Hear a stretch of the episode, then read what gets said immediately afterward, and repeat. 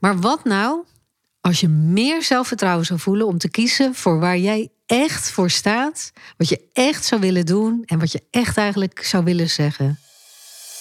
Van harte welkom bij de Ambitie Maakt Verschil podcast. De podcast voor ondernemende mediators en scheidingsprofessionals. Openhartig, eerlijk en puur. We gaan het hebben over uitdagingen, over tegenslag, groei, maar ook over de kansen. We laten ondernemers en experts in dit vakgebied aan het woord. Een inspiratiepodcast over business, ondernemen, bedrijfsgroei en persoonlijke groei. Want ambitie maakt verschil. In deze tijd zie ik bij veel ondernemers om me heen, en die ik ook zelf begeleid, dat de onzekerheid meer begint toe te slaan. De coronatijd lijkt een soort verlamming met zich mee te brengen. En dat is ook de reden waarom ik deze podcast opneem. Omdat ik juist denk dat het in deze tijd belangrijk is om door te blijven zetten. Om zichtbaar te worden of te blijven. Want dat is misschien ook wel de uitdaging.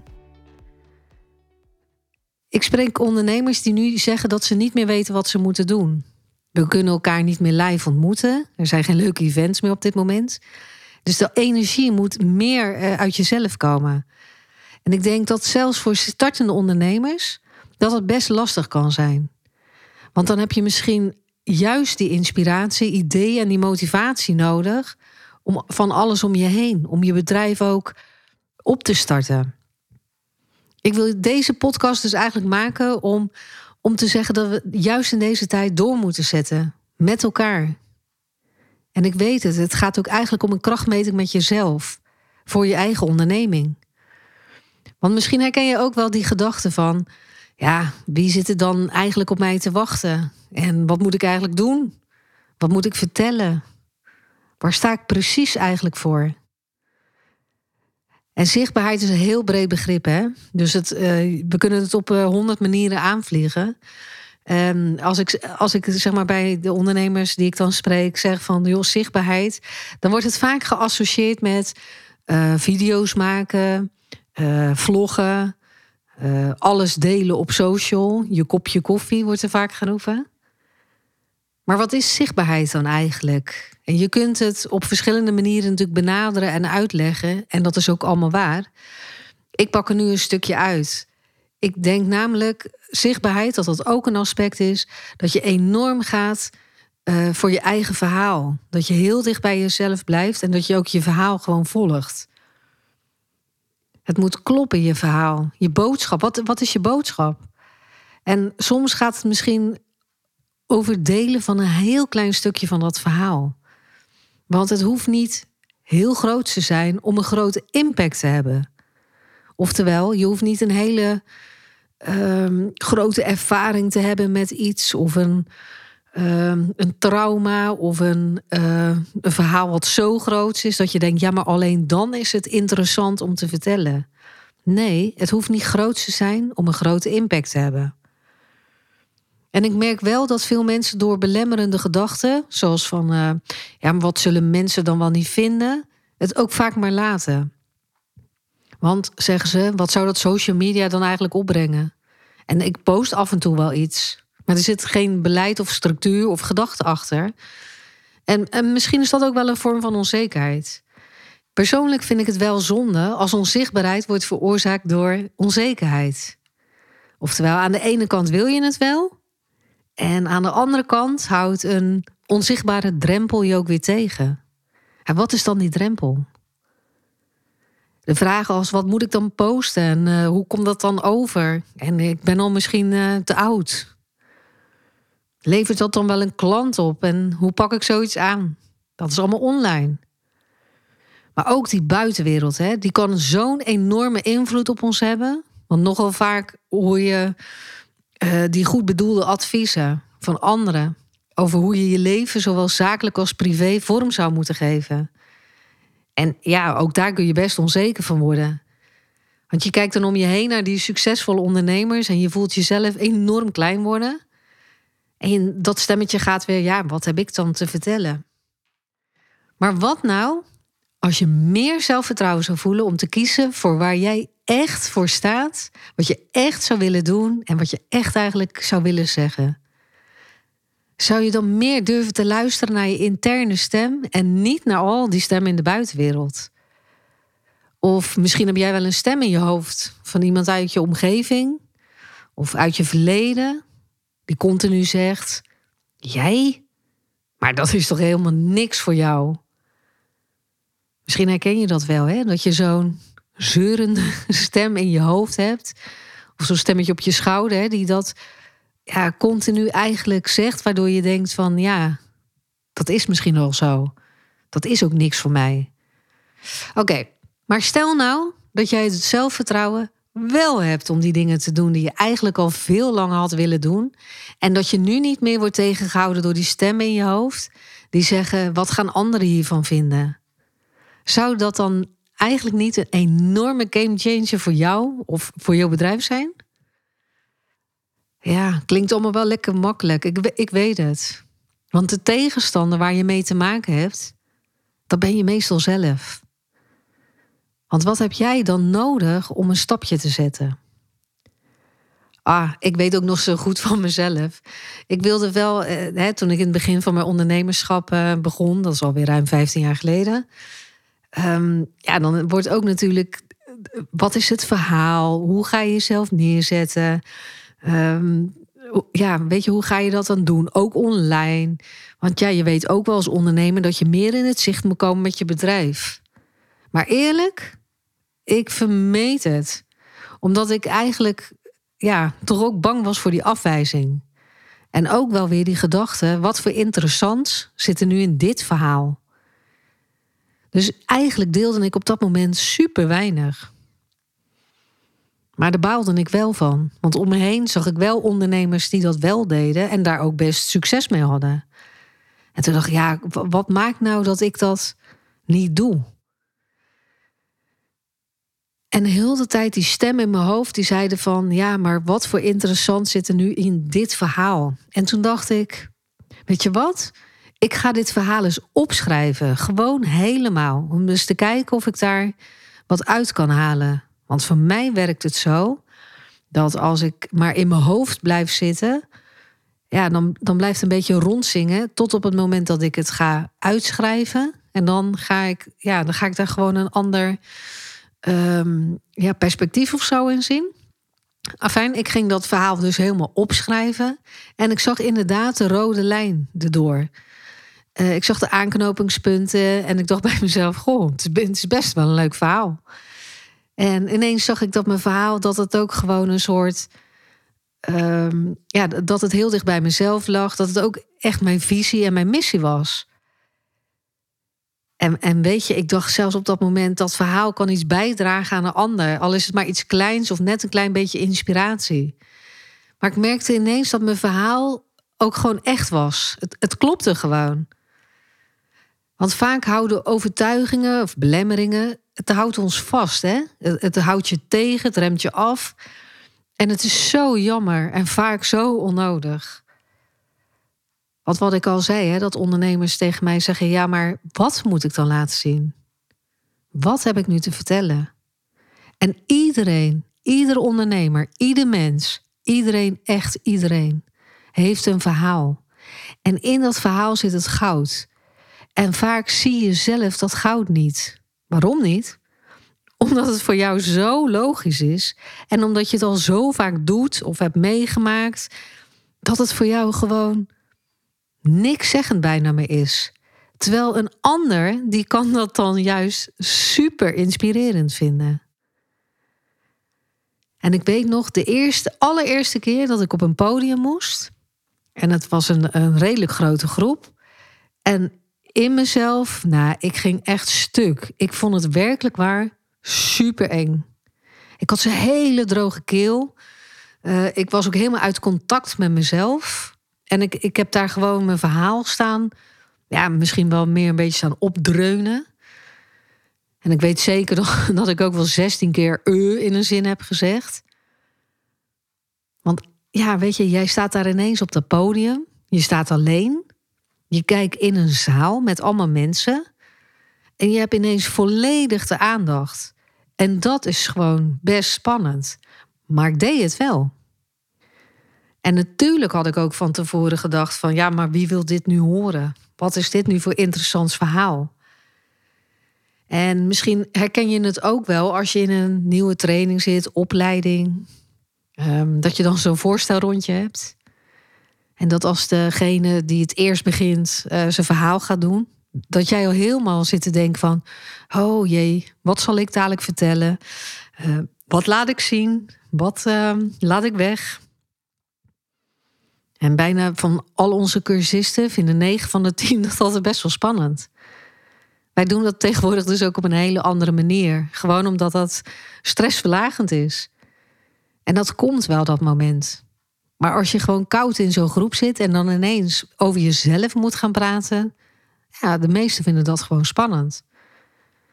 En dat hoor ik ook vaak van cursisten, van andere ondernemers om mij heen. En eigenlijk is het best wel gek hè, als je erover nadenkt. Want je bent als ondernemer bijvoorbeeld ook niet voor niets met jouw bedrijf gestart. Je wil iets neer gaan zetten. Je hebt misschien al een website met een verhaal, al een ideale klant. En toch, die zichtbaarheid, het komt er gewoon niet van.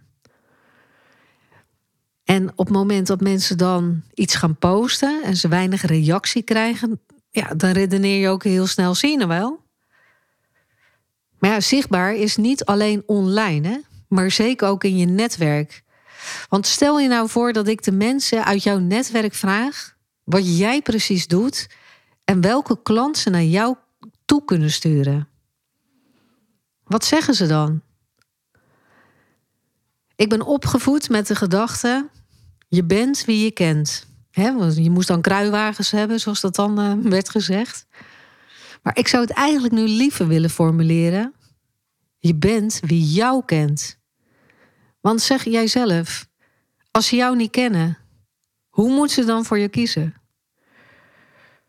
Over zichtbaarheid geloof ik ook dat je wel een keuze moet maken. Je doet het of je doet het niet. En als je het wilt doen, doe het dan ook gewoon een keer. Stap gewoon in die, in die bubbel. Hè? Dat je het super spannend vindt, maar dat je het gewoon wel gaat doen. Schrijf je verhaal ook eens een keer helemaal uit. Deel daar een blog over. Wat is jouw visie, jouw missie vanuit jouw bedrijf? Deel daaruit de kleine stukjes op bijvoorbeeld social media. Maar vooral ga experimenteren om te kijken wat bij je past. Als ik uh, ondernemers vraag van, uh, maar waarvoor laat jij jezelf niet zien? Wat maakt voor jou dan uh, de drempel?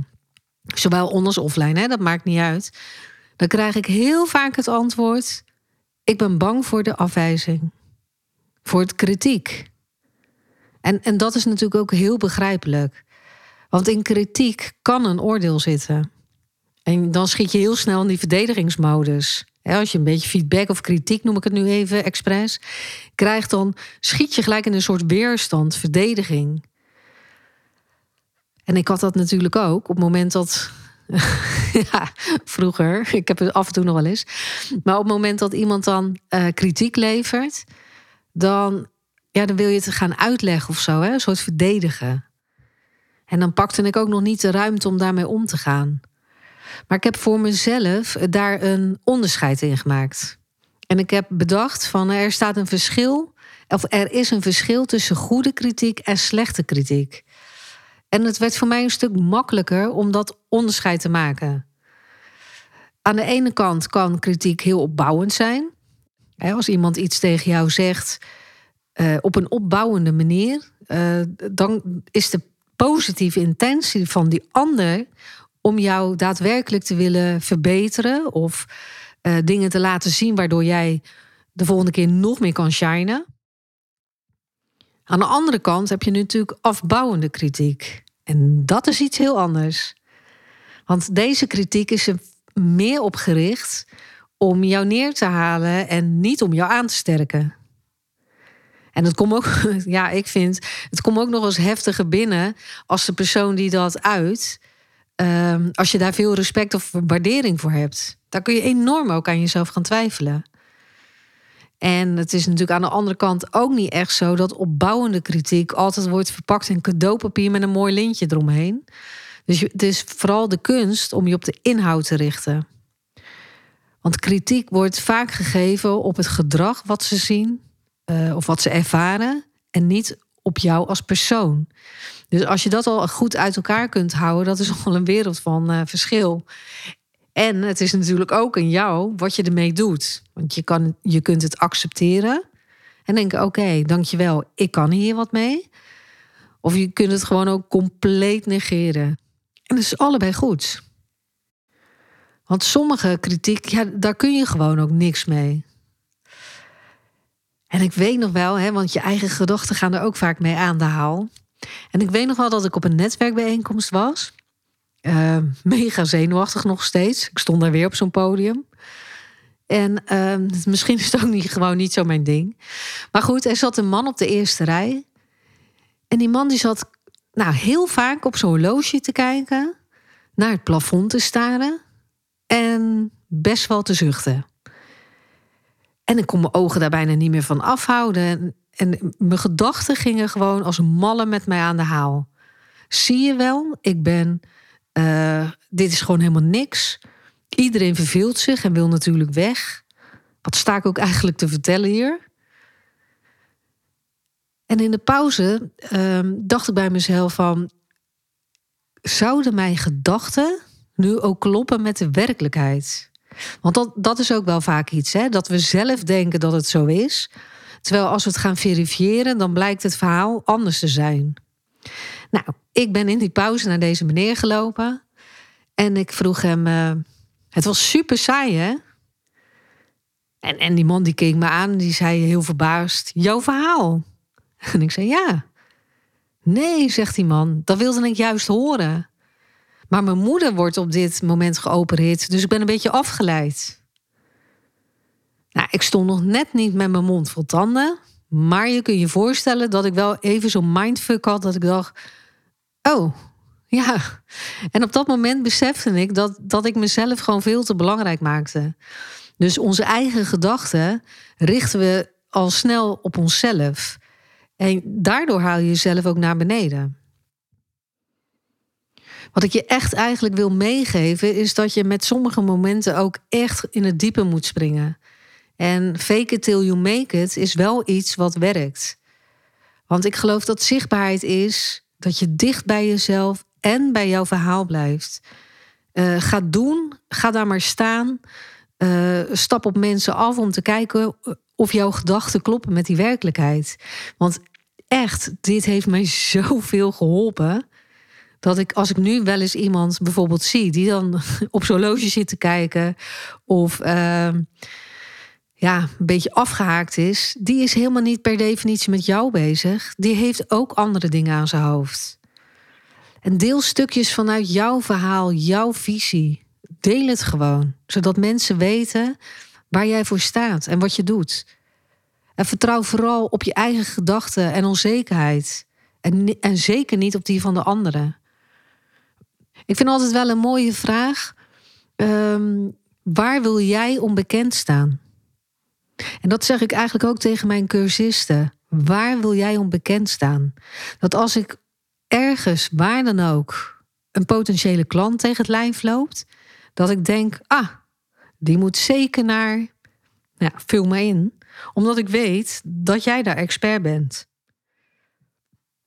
En ik wil jou eigenlijk ook de vraag stellen: wat zou het jou opleveren als jij jezelf nog meer gaat laten zien? Als je meer kleur gaat bekennen, als jij jouw verhaal meer gaat vertellen. Als we echt het gezicht achter het bedrijf zien. Maar ook als jij durft te vertrouwen op je onzekerheid. Want geloof mij, dan ga je pas stappen maken. En je moet in beweging komen.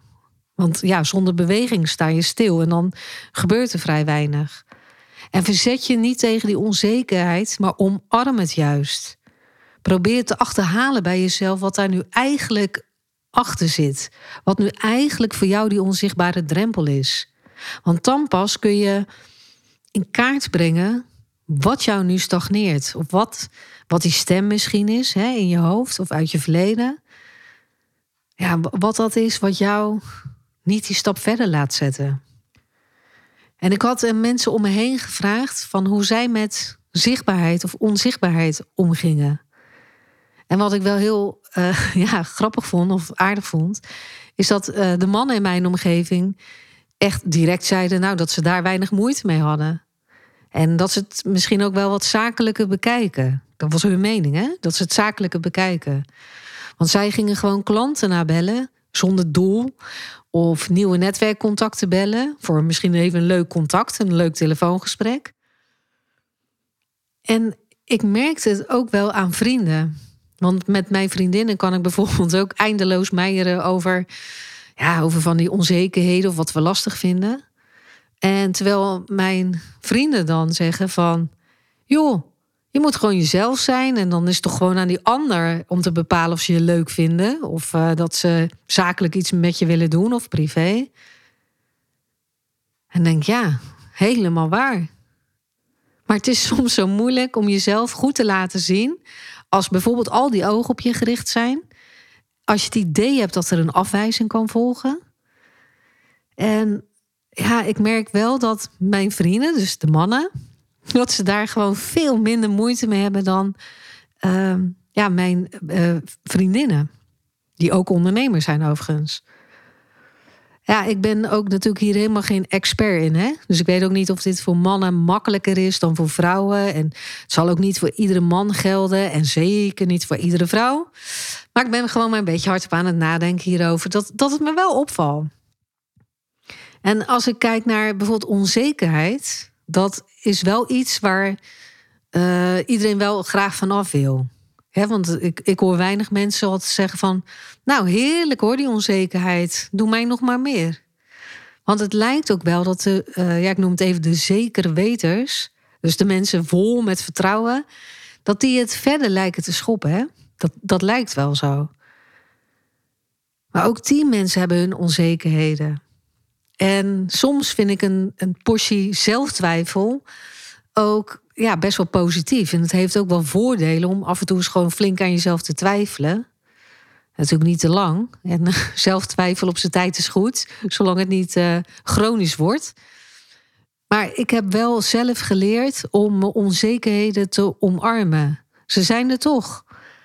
En, maar nou ja, om daar wel ook wat mee uh, te doen. In die zin dat je zelf altijd de keuze van ik doe er wat mee of ik doe er niets mee.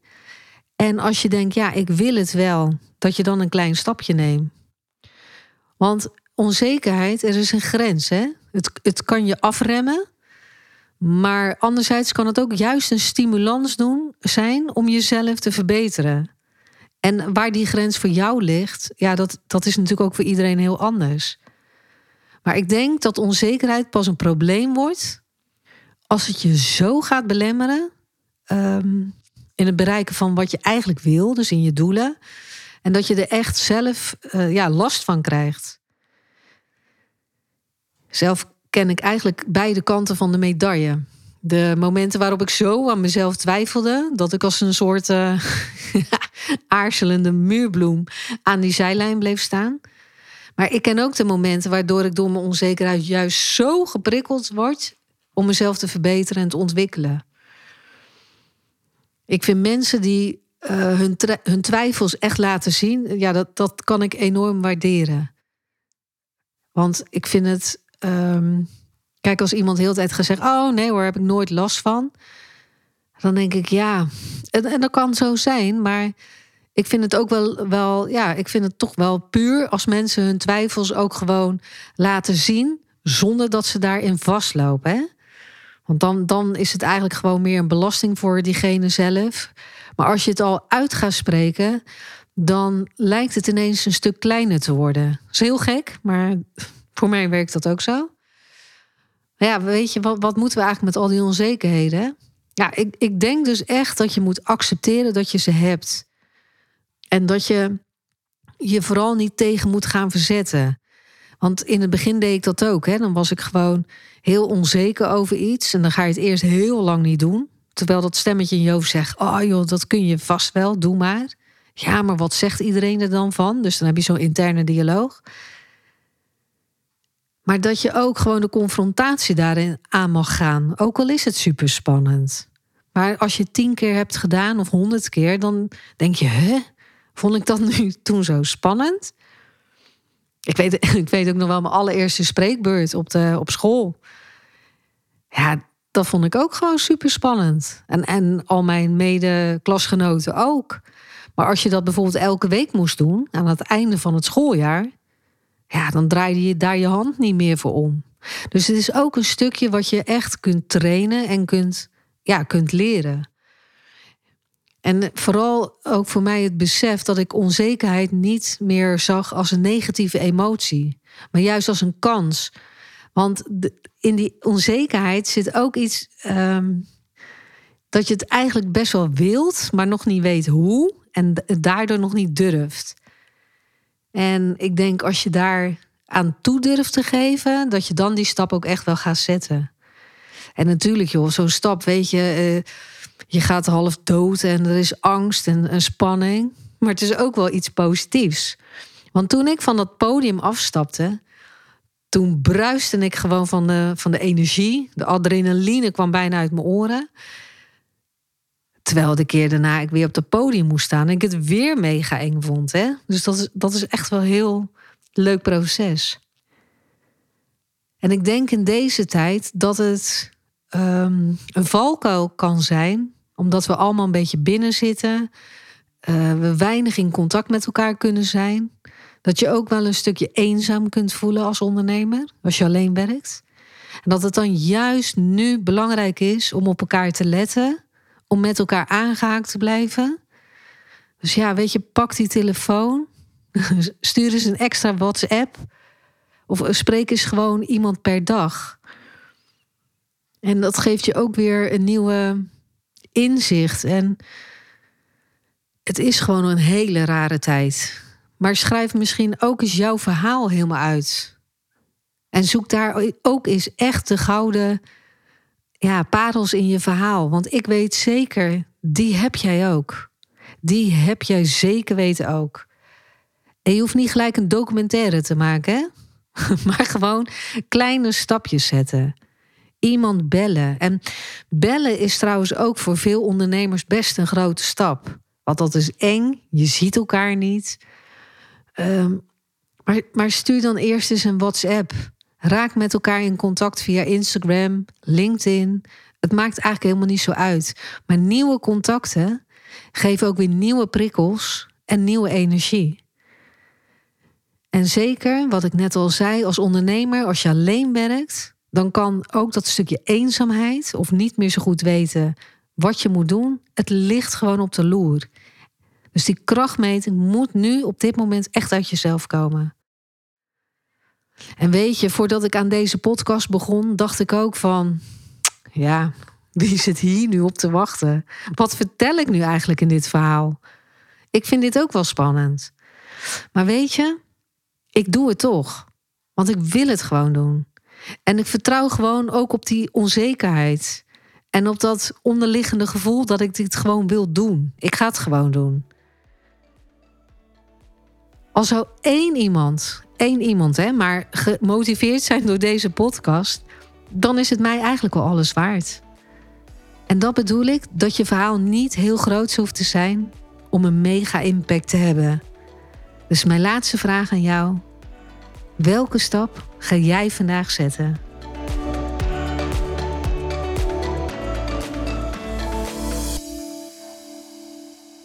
Dankjewel voor het luisteren.